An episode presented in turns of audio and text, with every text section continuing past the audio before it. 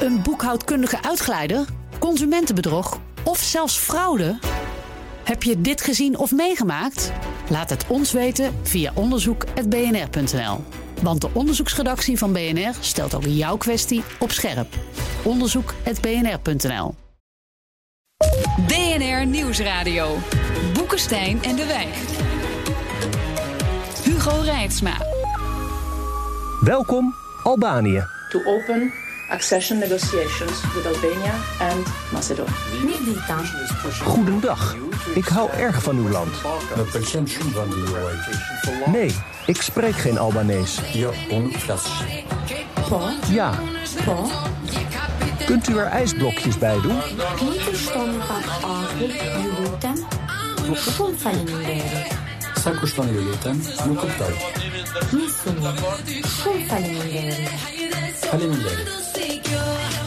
Boekenstein aan de Wijk heette Albanië welkom op zoek naar de nieuwe wereldorde. Met in de studio chef Nieuwe Wereldorde Rob de Wijk. En onze razende reporter deze zomer, Arend-Jan Boekenstein. Alleen zit je nu in het verkeerde land, Arend-Jan. Dat is dan weer jammer. Onze gast is Adia Sakici, de ambassadeur van Albanië. Welkom. Dank u wel. We spreken elkaar hier in de, de BNR-studio in het gebouw van de Tweede Kamer. Komt u hier vaker om de Albanese zaak te bepleiten? Want dat lijkt wel nodig. Ja, ik kom hier nogal vaak. En onze ambassade is ook heel dichtbij. Ook strategisch gelegen om Strategisch. meer en meer hier te zijn. Ja. Volgens de Europese Commissie is Albanië en eh, Noord-Macedonië klaar voor toetredingsonderhandelingen. maar Nederland is wel echt een, een grote dwarsligger. U zit, u zit in een moeilijk land. Ik zit in een uitdagend land, ja, inderdaad. het is een land waar eh, heel veel, ehm, eh, waar, Albanië nog steeds heel onbekend is. En dat maakt het hele spel heel moeilijk, want onbekend is vaak onbemind. Dus eh, het is mijn, mijn taak en de taak van mijn, mijn, mijn land en van de jeugd van mijn land om betere verhalen over ons te vertellen. Ja. En de, de, de echte verhalen over ons ehm, vooruitgang te vertellen hier. Ja, ja, nou hier in de studio merkte ik al niet onbemind... want er worden al meteen toeristische trekpleisters Ja, uitgewisseld. absoluut. En- Nee, maar het is ook een prachtig land. Eh, nee, we zaten even, ik ben dan, in een grijs verleden ben ik daar een keer eh, geweest. Dat is een Romeins-Griekse opgraving aan de kust. En ik was gewoon even de naam vergeten. En dat is heel erg mooi daar.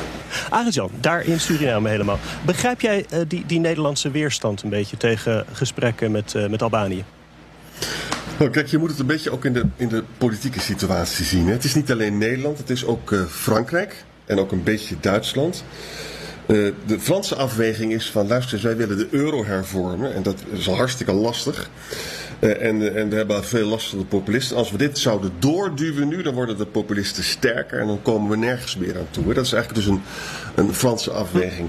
In Nederland is het parlement natuurlijk heel erg gevoelig voor eh, mogelijke criminaliteit. En dus daarom gaan ze dan over die visumplicht pl- beginnen, hè, de afschaffing daarvan. En die is al sinds 2010 overigens afgeschaft. Ik denk zelf, eh, luister eens, er wordt onderzoek naar gedaan. De Europese Commissie zegt dat er niet significant iets aan de hand is. En in dat geval, als, het, als dat waar zou zijn, dan moet de Tweede Kamer ook een beetje inbinden, vind ik. En laten we wel zijn, de uitbreidingspolitiek van de Europese Unie is eigenlijk een hele succesvolle buitenlandse beleid geweest. We hebben heel veel landen zijn er veel beter geworden. Hè? Dus de rule of law, de rechtsstaat en democratie zijn geschraagd door EU-lidmaatschap in Spanje, in Portugal, in Griekenland. Er is wel eens terugslag, zoals bij Hongarije en Polen, maar dan, daar zou je dan beleid op moeten zetten. Ik denk zelf dus, en dan zal ik stoppen met mijn betoog vanuit Suriname, dat het, het is moeilijker om Albanië te hervormen als je ze niet met ze gaat onderhandelen. Die onderhandelingen leidt ertoe dat de prikkel sterker is voor de Albanese zelf om te hervormen. Dat zou mijn stelling zijn. Nee, maar kijk, het, het probleem vind ik op dit ogenblik van Nederland... is dat wij alles verengen tot hele kleine, hapklare brokken. Bijvoorbeeld Albanië wordt verengd tot criminaliteit... eh, die in Albanië zou plaatsvinden en hier zou plaatsvinden. We hebben dat eh, gehad met dit zogenaamde TTIP-verdrag. Dat werd verengd tot chloorkippen. Dat is natuurlijk onzin. Je- Dat kun, je, dat kun je zo niet doen. Je moet dat breder bekijken. En wat mij zeer stoort aan het eh, debat in Nederland... Dat is een debat die wij wel in de jaren 90 van de vorige eeuw voerden, maar nu niet. En dat is het debat over de geopolitieke implicaties van het buiten de deur houden van landen. Want er is nogal wat aan de hand in dat deel van, eh, van de wereld. En als je dus kijkt, en in die zin ben ik het ook eh, met Aart Jan eh, eens...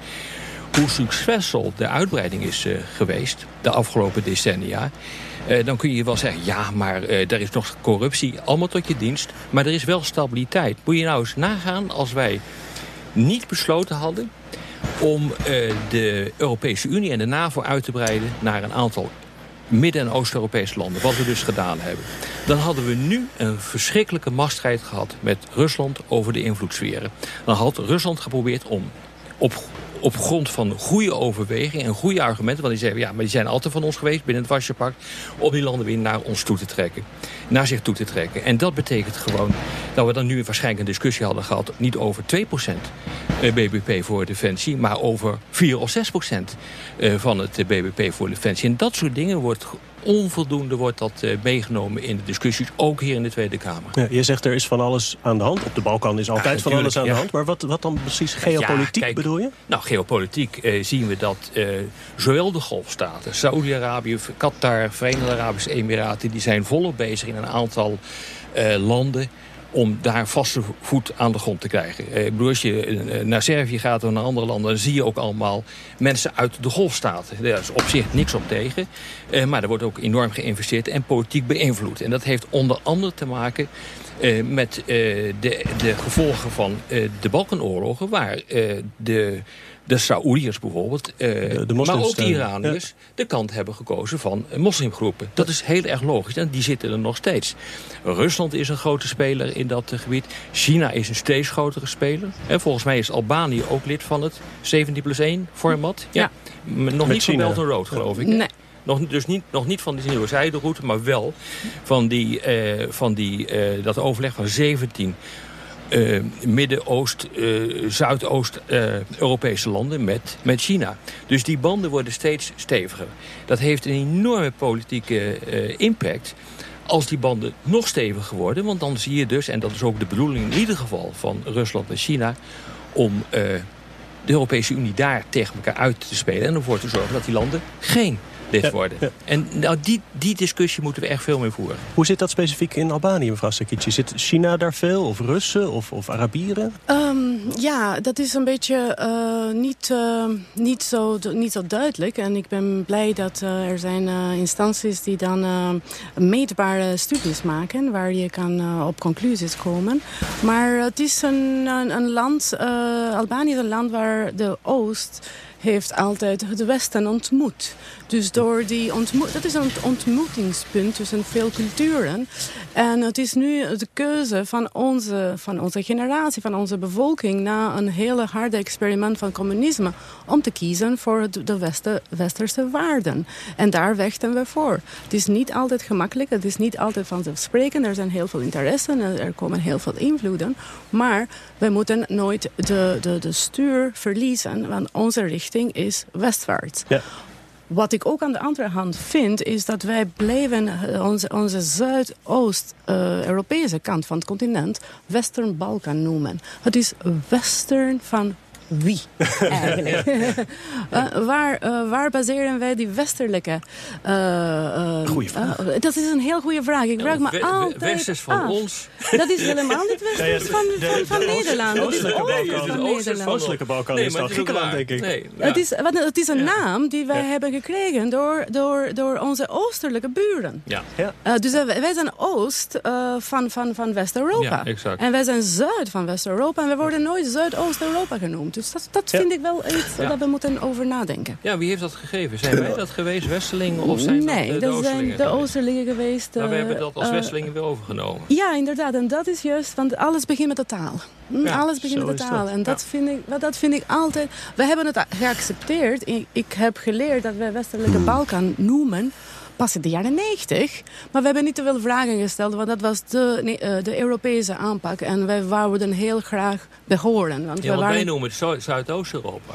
Ja, dat vind ik een heel veel betere naam dan uh, Westelijke Balkan. Want dat, dat uh, identificeert, mij, identificeert mij niet. Arend-Jan, ik hoor jou een beetje schuiven daar aan de andere kant van de lijn. Ja. Nou kijk, als, als, als, als, ja, als je het als historicus bekijkt, hè, dan is het Albanië is een onderdeel van het Westen. Waarom? Nou, kijk maar, het is natuurlijk onderdeel van het Oostenrijks-Hongaarse Rijk geweest. Hè. Dat was natuurlijk gewoon het Westen. Een van de machtigste great powers van het Westen. Vervolgens eh, is daar, hebben de Italianen daar nog hele akelige dingen gedaan. Dus de, de donkere kant van het Westen is daar ook geweest. De nazi's zijn daar geweest. Dus met andere woorden, historisch zijn we heel erg met elkaar verbonden. En de Russen hebben natuurlijk altijd er invloed gehad. De Ottomanen hebben er invloed gehad. Maar als je het dus historisch bekijkt, kan je eigenlijk moeilijk zeggen van we hebben daar helemaal niks uh, gedaan of zo. Of hebben er helemaal niks mee te maken. Ja. China natuurlijk ook, hè? Want dat was onder ja. Mao, waar, waren die banden daar? Ja, maar uh, China was onze grote, grote alliaat in de jaren 70. Nadat wij hebben uh, afgehakt met uh, onze relaties met Rusland in de jaren 60. China, ja, maar uiteindelijk, uiteindelijk was isolatie de enige manier om een soort van dictatuur in, aan macht te houden. Dus eigenlijk zie ik nu wat, wat er gebeurt, wat de discussies in de Europese Unie die ons tot naar isolatie terugbrengen, dat is de enige, dat is een beste manier om, um, om, om, om, om, uh, om, om, om niet-democratieën tot stand te houden. Uh, China was, uh, we hebben ook afgebroken met China ja. in de begin, begin jaren tachtig en dan zijn wij uiteindelijk alleen gegaan met een soort van Noord-Koreaanse systeem waar, ja. het, waar wij trouw waren aan Stalin, maar niet aan Khrushchev ja. en ook niet meer uh, zo uh, vriendelijk waren tegenover Mao. Toen werden al die kleine bunkertjes gebouwd ja, overal. Ja, ja, voor elke ja, een bunker. Ja, om onze zelfstandigheid, soevereiniteit nog een keer te bevestigen. Maar uh, later, wat, wat, wat heel interessant is, is dat nu onze Chinese ervaring een beetje ons dient om, te, om niet enchanted te worden met China weer. -hmm. Want we hebben het gehad. Maar dus... ik zag wel dat volgens mij het internationaal vliegveld... en de voormalige staatsoliemaatschappij... Ja, sinds... die zijn nu in Chinese handen. Ja, de, de vliegveld wel. Uh, en dat is uh, een recente uh, ontwikkeling. Dus als ik spreek, als, als meneer De Wijk spreekt over invloeden... Ik, ik, voor mij is het altijd een economisch invloed. Want er is een eco economisch vacuüm bij ons. En uiteindelijk, uh, het gaat over economie. Een van, van de, mijn, mijn, heel uh, grote herinneringen met het communisme is... waarom is het communistische systeem uiteindelijk gevallen? Het is gevallen omdat een mislukte economisch experiment was. Ik weet het heel goed toen wij in de jaren tachtig... we hadden gerationeerde voedsel. Wij hadden geen eten. En dan pas als je geen eten op tafel hebt... dan ga je naar een revolutie. Ik denk niet dat als wij genoeg economische welvaart hadden... zouden wij een revolutie uh, hebben meegemaakt... om uh, samen met West-Europa uh, te komen. BNR Nieuwsradio. Boekenstein en de Wijk. Op zoek naar de nieuwe wereldorde. Dit is Boekenstein en de Wijk. En dat programma is natuurlijk niet zonder Arend-Jan Boekenstein en Rob de Wijk. Mijn naam is Hugo Reitsma en we zitten niet in onze studio, maar in de Tweede Kamer. Onze gast is niet de ambassadeur van Vlaanderen, wat je zou kunnen denken aan de tongval, maar van Albanië. En Arend-Jan zit niet in Albanië, maar in Suriname. Dit even om verwarring te voorkomen. Adia Sakici, nogmaals welkom. Uh, we hadden het over het uh, het, een beetje de, een gat in de Europese Unie. Wat eigenlijk wordt gevormd uh, door de Balkan, of door Zuidoost-Europa, zo je wil. Rob, wat zijn eigenlijk de, de, de status van de, van de belangrijkste landen in, in toetreding? Nou ja, er, worden, er zijn op dit ogenblik onderhandelingen gaande met Montenegro en Servië. Waarbij ik Servië wel een hele spannende vind. Want uh, ik maak dat wel vrij vaak mee hoor. Ook zeg maar in Moskou, uh, daar zijn vaak vertegenwoordigers van... Uh, van Serviërs, van Servië, die ontzettend anti-Europees zijn. Je hoort niet wat je hoort. Uh, maar goed, met dat land wordt uh, onderhandeld uh, over een... Uh... Adriaan gaat ondertussen even naar de wc hoor. nee, dat is hier naast. nou, Sorry Rob. Ik ga weer verder. Dus er wordt onderhandeld met Servië en Montenegro. Uh, nou, die, dat loopt. En het spannende verhaal is natuurlijk Macedonië en Albanië. Hoe gaat dat nou eigenlijk lopen? En dat is, dit is het grote punt. Daar moeten dus die onderhandelingen mee worden gestart. Nou ja, en de grote vraag is wanneer gaat dat nou eindelijk eens een keer gebeuren? En dat wordt onder andere door Nederland opgehouden. Ja. Er is ook een brief geweest van veertien leiders uit uh, het midden- en uh, oost- en zuidoost-Europa... die Europa hebben aangedrongen om geopolitieke redenen... eigenlijk ook wat we het, het, het, eerste deel van het programma hebben behandeld...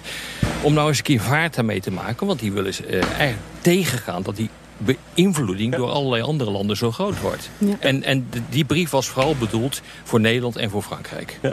Mevrouw Want- ja? Ja, want uiteindelijk is het, eh, en dat wil ik een beetje ehm, ehm, duidelijk maken, want er, er is zoveel verwarring. Mensen zeggen tegen mij, oh, maar jullie, willen, jullie gaan lid worden en jullie ambitie om lid te worden.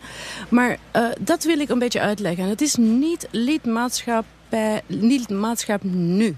Het gaat over het openen van onderhandelingen die heel lang gaan duren. Als de onderhandelingen nu in 2019 opengaan, we zitten pas aan tafel met onze Europese partners in 2021. Pas dan starten de onderhandelingen Ja. die helemaal niet tot 2025 gaan duren, maar een heel lang traject eh, te, te, te gaan is. Het is een traject van eh, 33 hoofdstukken. Elke hoofdstuk afsluiten is even moeilijk als onderhandeling starten, omdat het eist zoveel werk van onze administratie, van onze mensen. Het is eigenlijk meer huiswerk voor ons. Het is eigenlijk geen lid worden, want daar zijn we niet klaar voor. We moeten heel veel eh, hervormen, heel veel doen. Het is eigenlijk starten met een proces. Het is eigenlijk een engagement Ja. to enlarge. Het is niet enlargement. Ja. En, dat, en ik begrijp de Nederlandse luisteraar die zegt... oh nee, nog een, nog een extra nieuwe lid. En dan zeg ik, oh nee, nee, nee, dat is geen nieuwe lid. Het is een heel lange weg, maar voor onze landen... met onze geschiedenis, met onze turbulenties... het is belangrijk om in een proces te zijn. En het proces is soms meer belangrijk dan de één doel, dat de lidmaatschap. Wat betekent het als je niet klaar bent? En met Turkije duurt dat proces al 50 jaar. Inderdaad. Dus het is, eh, ja, het is niet eens een garantie op eh, succes. Nee. Het hangt er helemaal vanaf hoe je hervormt. Ja. En wat dat betreft is het natuurlijk wel heel interessant... ook wat de Europese Unie doet in zijn uitbreidingsstrategie. Die heeft eigenlijk zes initiatieven geformuleerd. Nou, ik zal ze niet allemaal opnoemen, maar er zitten initiatieven in... als de versterking van de rechtsstaat. Nou, daar wordt in bijvoorbeeld Ja. eh, eh, Albanië nogal hard eh, Ja. op gewerkt op dit ogenblik. Ja. Je hebt bijna geen recht meer over. Alles ja. wat corrupt is, is eruit gegooid. Dus het, dat levert dus Ja. ook problemen op, hè, dit Ja. soort... eh, dit, dit soort, eh, soort acties. Maar er is samenwerking op het gebied van veiligheid en migratie. Energieunie, om te kijken of je in staat bent om eh, een, een, een relatie te leggen... met wat er hier gebeurt op het gebied van olie en gas. eh, uitrol van breedband, internet. Dat soort dingen, eh, dat begint allemaal te komen. En dat is natuurlijk wel heel erg belangrijk. En het meest interessante vind ik van wat hier aan de hand is... en daarom zijn deze, eh, is die uitbreidingsstrategie ook zo interessant van de Europese Unie... het is gewoon een strijd om de invloed. Wie krijgt de grootste invloed in dat deel van Europa? En eh, gaat dat naar Rusland, China, de golfstaten toe? Of zorgen we ervoor dat dat gebied niet gespleten wordt... en komt het naar ons toe? Zo simpel is het. En hoe gaat het politiek, mevrouw Sakici? Want er zijn net eh, lokale verkiezingen afgelast... Ja. na protesten tegen de Nee, premier. ze zijn niet afgelast. Ze, zijn ze hebben ehm, plaatsgevonden. Eh, het waren een beetje heel moeilijke verkiezingen wel. Eh, maar eh, ik ga het uitleggen in een, een heel simpele manier. We zijn eigenlijk begonnen met onze justitie te hervormen pas in, al sinds 2014. Ehm, en in 2016 hebben wij onze PRESPA agreement gehad in Albanië. En dat vertaalt in de constitutionele veranderingen. De, de verandering, drie vierde van onze constitutie is toen veranderd met het oog om justitie, onze justitiemechanismen helemaal te hervormen. Het was een heel grote, eh, heel ambitieuze eh, eh, project nog steeds. En het is een project die iedereen in onze politiek uit de comfortzone heeft gehaald. Dus eigenlijk, eh, eigenlijk zien wij nu dat de, dat de hervorming plaatsvindt, dat alle instellingen nu plaats hebben genomen en zijn ge- opgericht, Ja. zien wij dat er weerstand komt. En die weerstand is niet on, eh, onverklaarbaar. Het is wel verklaarbaar. Iedereen is uit de comfortzone. Een, een bepaalde hoofdstuk in onze geschiedenis van transitie gaat nu wel toe. Het is moeilijk, het is kostelijk, het is, ehm, het is eh, heel eh, ehm, chockerend voor sommige mensen, maar het is eh, ten dienste van de nieuwe generatie. Het is ook niet meer voor mijn generatie in de zin van, want die onderhandelingen als die open gaan, die gaan jaren duren, 10 jaar, 15 jaar gaan ze zeker duren. Dus het is eigenlijk wat we nu doen voor niet mijn generatie van, van functionarissen of van, van ambtenaren, maar voor de- onze kinderen. Want dit zijn heel lange processen. En de Europese Unie moet de wijsheid hebben, hebben. En ze hebben het al gelukkig om te zien dat wij zijn een gemakkelijke regio in de zin van wij zijn klein. De hele Balkan is even groot als Roemenië. Zes Ja, ja. Balkanlanden hebben de bevolking. 25 miljoen of zo? Nee, we zijn 15 miljoen. 15? Ja, we zijn heel Dat is klein. nog kleiner dan Eh, Nederland. Ja. Dat maakt, ja, dat, dat is, we zijn kleiner dan Nederland. Dus e- eigenlijk moeten wij nu heel snel eh, gaan investeren in mooie toeristische bestemmingen van de, van de Balkan. Want eigenlijk onze economie eh, is heel afhankelijk van toerisme. En dat kunnen we heel mooi aanbieden. Ja. Nou, gaan Nou we ja, je ziet heen. natuurlijk nu al, hè, want eh, we hebben het over die buitenlandse invloeden in al die landen. Maar de EU is wel by far de grootste donor. Hè? Inderdaad. Eh, het 4 miljard individuele steun voor landen. eh, nog een keer 3 miljard voor meerdere landen tegelijk. Voor projecten die over meerdere landen gaan. Er is eh 54 miljard aan handel. Wordt er, wordt er, eh, eh, wordt er gevoerd. Eh, twee derde van alle investeringen zijn vanuit Europa, uit de Europese Unie. Dus eh, we moeten ook. we, we zien dus dat die buitenlandse invloeden in rap tempo hoger worden. Ja. Maar tegelijkertijd moet je ook constateren dat de Europese Unie nog echt ver voorop ligt. En ik vind wel eerlijk gezegd dat je dat moet, moet houden, die voorsprong. Het gevolg is ook dat de middenklasse in Albanië stijgt, dat heel belangrijk is. Dat de levensstandaard stijgt. Hè? Dus de, de, de, de, ik begrijp heel goed dat eh, de Albanese westwaarts gericht zijn. Want daar valt veel meer welvaart te halen dan oostwaarts. Ja. En niet alleen maar in Albanië, maar je hebt ook veel Albanezen in Noord-Macedonië... die ook een heel constructieve rol hebben gespeeld in de Prespa Agreement nu. Dankzij de Albanese partijen is de meerderheid in het parlement van Macedonië eh, ge- gehaald... om, om, naar die agreement eh, te, te, te, eh, waar te maken. Terwijl de nationalisten zijn gevlucht ergens anders. Ehm, eh, maar ook in Kosovo, ook in, ehm, in Montenegro... Je, ik vind dat wij nogal eh, heel eh, westgericht volk, eh, volk zijn. We zijn lid van NAVO al tien jaar nu. Ja. En we zijn, hebben altijd een contributie, een bijdrage geleverd in de stabiliteit in de regio. We zijn de enige land die geen oorlogen heeft gehad, maar als een uh, alliaat uh, van, uh, van, van NAVO uh, en, en, van de Europese Unie. En als een, een, een, een, een heel stabiel partner in, ja. in, in heel turbulente momenten van onze geschiedenis hebben ja. gediend. Maar volgens mij zijn ze hier in Den Haag juist een beetje bang voor die westerse gerichtheid in Albanië. Want laatst hebben ze bij Brussel gevraagd om de visumplicht erin te voeren. Juist bang dat er zoveel Albanese hierheen komen. Um, ja, wel, dat is eigenlijk een, een, een, argument die heel simplistisch is. Uh, dat als je zegt van kijk, uh, de criminaliteit gaat dalen als ik visum in, ga invoeren voor Albanezen. Uh, het, het, verkoopt wel goed, denk ik, maar het is een argument die geen oplossingen aanbiedt. Want zelf als je een visum zou invoeren, kan, ik, kan ik jou met, met voorbeelden vertellen dat een crimineel nooit een visum gaat aanvragen. Hm.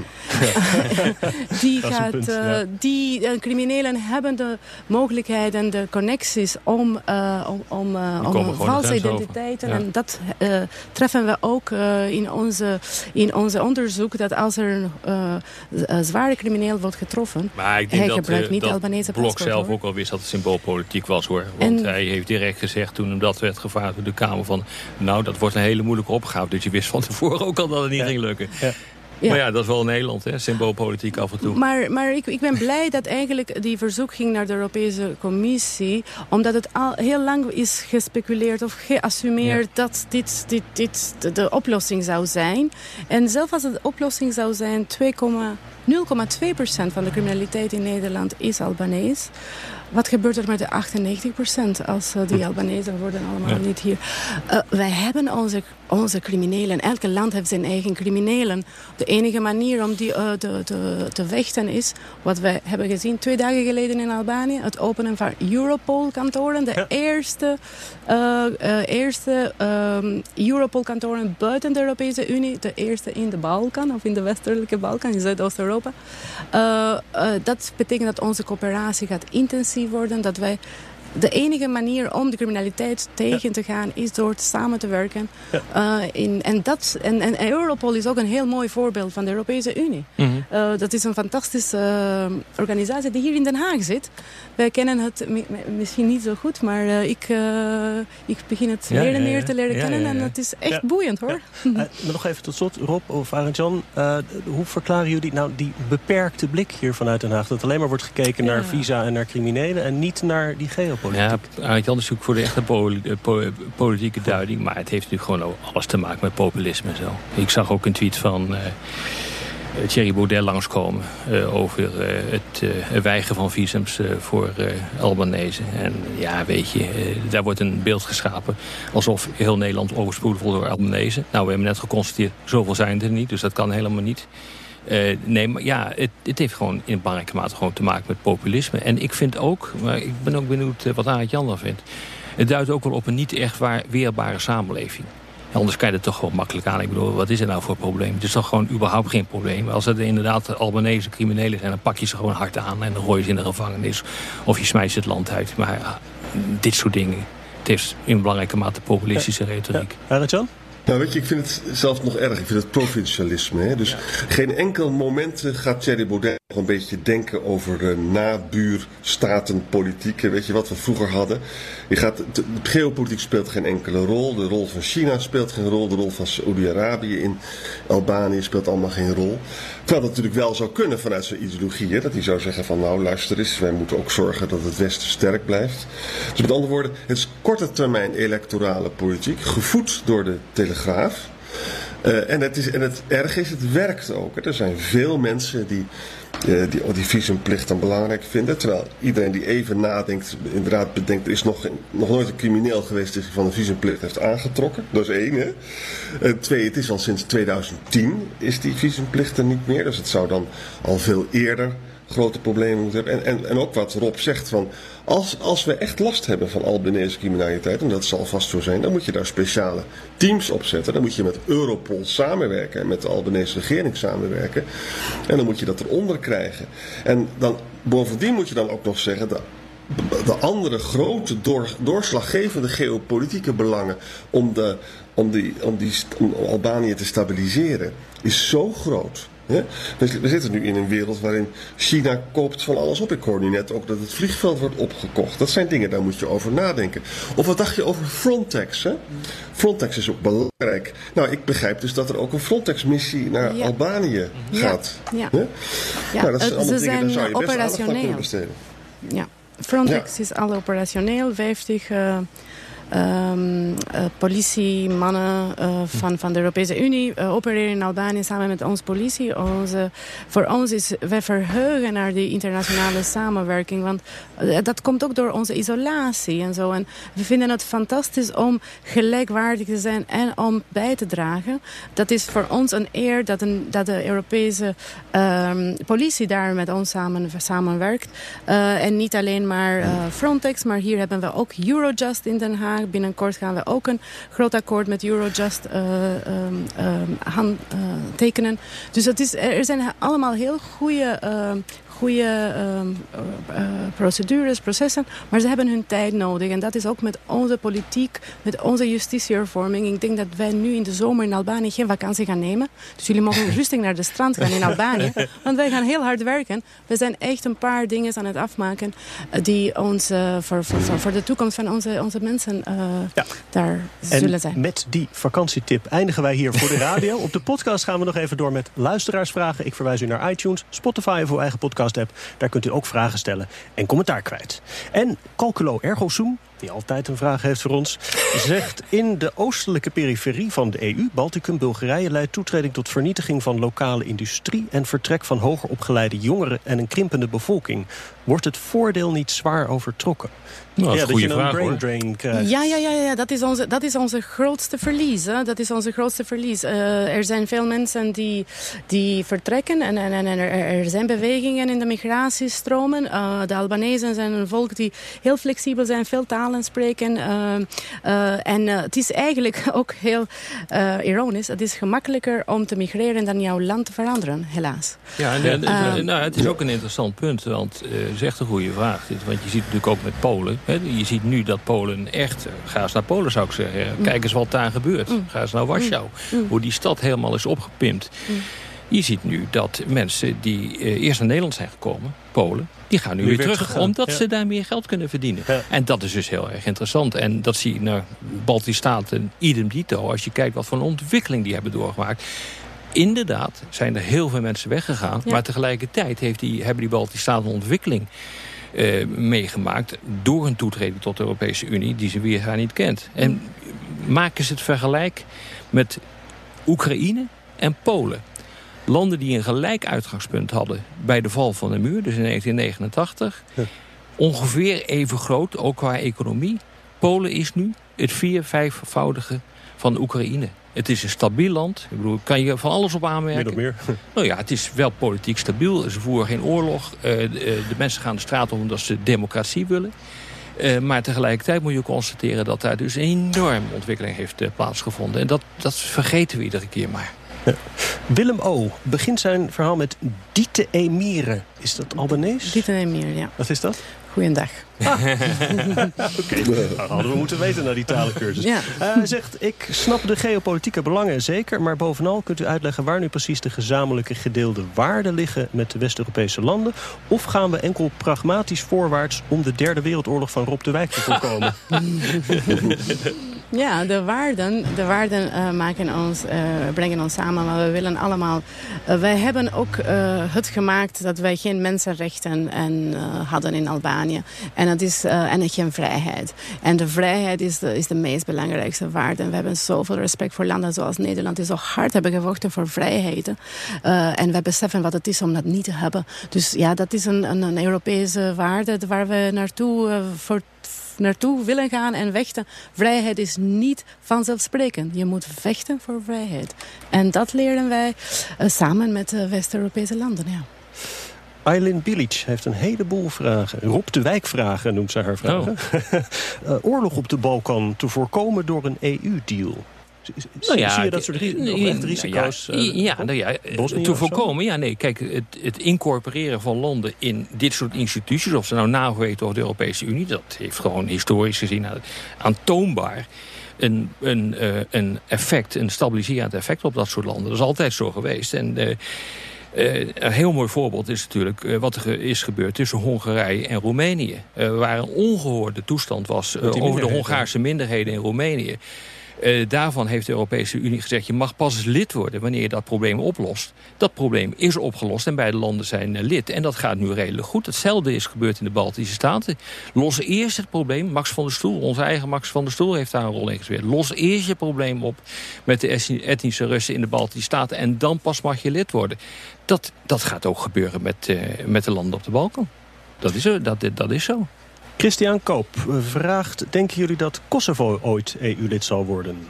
Oh, en kun je het recht op zelfbeschikking van Kosovo accepteren... zonder daar gevolgen uit te trekken voor bijvoorbeeld Spanje of Cyprus?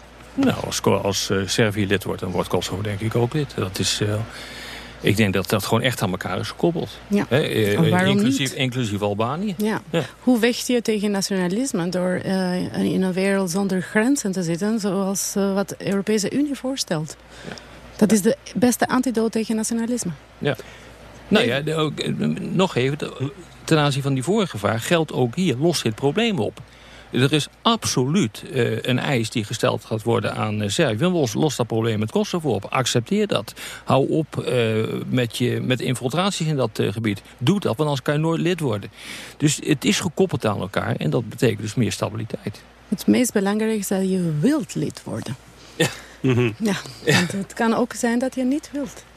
Evert van Kuik uh, zegt in Grand Hotel Europa van Ilja Vijver... Ja. Uh, goede schrijver, uh, bezoekt de held de jonge staat Noord-Macedonië. Is de omgang tussen de bevolkingsgroepen vooruit gegaan... sinds de opdeling van Joegoslavië? Oeh, dat weet ik niet. Sinds het echt lot is gekomen van... Uh, sinds, sinds, het, er, sinds erkend is als een zelfstandige staat. ik, ik weet het niet. De Albanezen en de Macedoniërs bedoelt ja. u in Noord-Macedonië? Dat denk ik. Hij heeft trouwens nog een vraag. Dat, dat is een beetje sluit er Stel een beetje nou even bij de vraag. Was het geen grote fout om overhaast de multi-etnische modelstaat Joegoslavië op te delen... terwijl de Serviërs de Ja, grootste... eh, weet je, ja, ja, was het geen grote fout. Net zoals wat eh, Poetin vindt eh, om eh, de Sovjet-Unie te laten klappen. Ja, weet je, eh, de grootste geopolitieke tragedie van, eh, van de 20e eeuw volgens Poetin. Ja, dat soort dingen gebeuren. Ja. Dat soort dingen gebeuren. Multi-etnische staten die breken vaak uiteen. Dat hebben we nu ook gezien met eh, Irak. Eh, nee, dat zijn historische processen die heel erg lastig te voorkomen zijn. Arjan? Oh ja, die hebben we Ja. ook nog, Arend Het, eh, trieste, ja, Suriname meldt zich. Het trieste is ook een beetje dat... je zou kunnen zeggen dat nationalisme was dus door het communisme helemaal beteugeld in, in de Joegoslavië. En zodra dan dus het communisme in elkaar dondert, dan ontdekken politici die enorme kracht van nationalistische sentimenten. En dat is een van de trieste dingen Ja. van de geschiedenis Ja. eigenlijk. Dan kun je altijd gebruiken om stemmen te krijgen. En dat Ja. leidt tot ontzettend veel ellende. Ja. Mevrouw Sekretje? En eh, dat is precies wat niet in Albanië is gebeurd. Want communisme in Albanië was super nationalistisch. En het moment dat eh, het eh, eh, uit de kaart was... hebben de Albanezen naar de individuele soul, naar de individuele geest op zoek gegaan. En ze hebben gemigreerd. En, zonder, en, en ze hebben eigenlijk gewoon gezegd... ik wil niks horen over die nationalisme. En dat, is onze, dat was onze wonder met wat gebeurde in onze buurlanden. Hoe komt dat ze vechten voor iets dat helemaal fictief is? En wij, dat, hadden heel weinig begrip met de, Koso- met de Joegoslavische oorlogen, omdat we zo eh, pas diplomatische relaties met Joegoslavië in de jaren negentig eh, hebben eh, gevestigd. We kenden elkaar niet, maar die nationalisme in, in, in Joegoslavië was voor ons onbegrijpbaar door onze soort van communisme, door onze soort van experiment. Dus we waren echt zo heel, heel geïsoleerd en apart. Niet zoals in Joegoslavië. Dan sluiten we af met eh, een stelling van Edin Mujagic. Die zegt, "Ba- de Balkan is van oudsher het schaakbord waar grote machten op spelen... en de EU doet haar uiterste best zichzelf schaakmat te zetten. Nou, een, eh, nee. samenvatting? Nee, dat kun je niet zeggen. Eh, De EU heeft nog steeds de belangrijkste positie binnen eh, de, eh, op de Balkan. En dat zal ook nog wel even zo blijven. Eh, alleen de grote vraag is dat, eh, of wij door ons eigen getreuzel eh, het toestaan eh, dat andere landen daar zoveel invloed eh, krijgen... dat er op een gegeven moment geen houden meer aan is. En ik denk dat je dat gewoon moet voorkomen. En er zijn gewoon inhoudelijke En redenen dat voor is om dus dat voor te een doen. groot deel Haags getreuzel. Want Nederland is een van de voornaamste dwarsliggers. Ja, zeker. Ja. Ja. Ja, Dan zijn we weer terug bij, eh, bij je eerste vraag. Ja. En voor mij is EU eigenlijk een, een, een groot economisch project. En eh, EU is, is, is Ja, goede ziekenhuizen, goede eh, kinderopvang, goede scholen, eh, goede transportvervoer en ook een goede economie. Dus eigenlijk moeten wij het helemaal niet politiek bekijken, maar denken van kijk, dit is een economisch project. Mensen komen mee als er economie draait. Ja. En eh, dat moeten wij ook in de Balkan doen. Want eh, die, die, die grote verschillen tussen in de economie, dan, maakt dat, dan, dan creëer je een gap voor problemen. Dit was weer Boekenstein en de Wijk. Namens Arjan Boekenstein en Rob de Wijk zeg ik dank voor het luisteren. Speciale dank vandaag aan Adia Sakici. En nou ja, we hebben al vakantietips gegeven Mm. aan de luisteraars. Dat komt goed uit, want vanaf volgende week starten de Boekenstein en de Wijk zomerspecials. Met Derde Wereldoorlog garantie. Fijne zomer. En heel deprimerend. Ja, zeker. Absoluut. Dank je.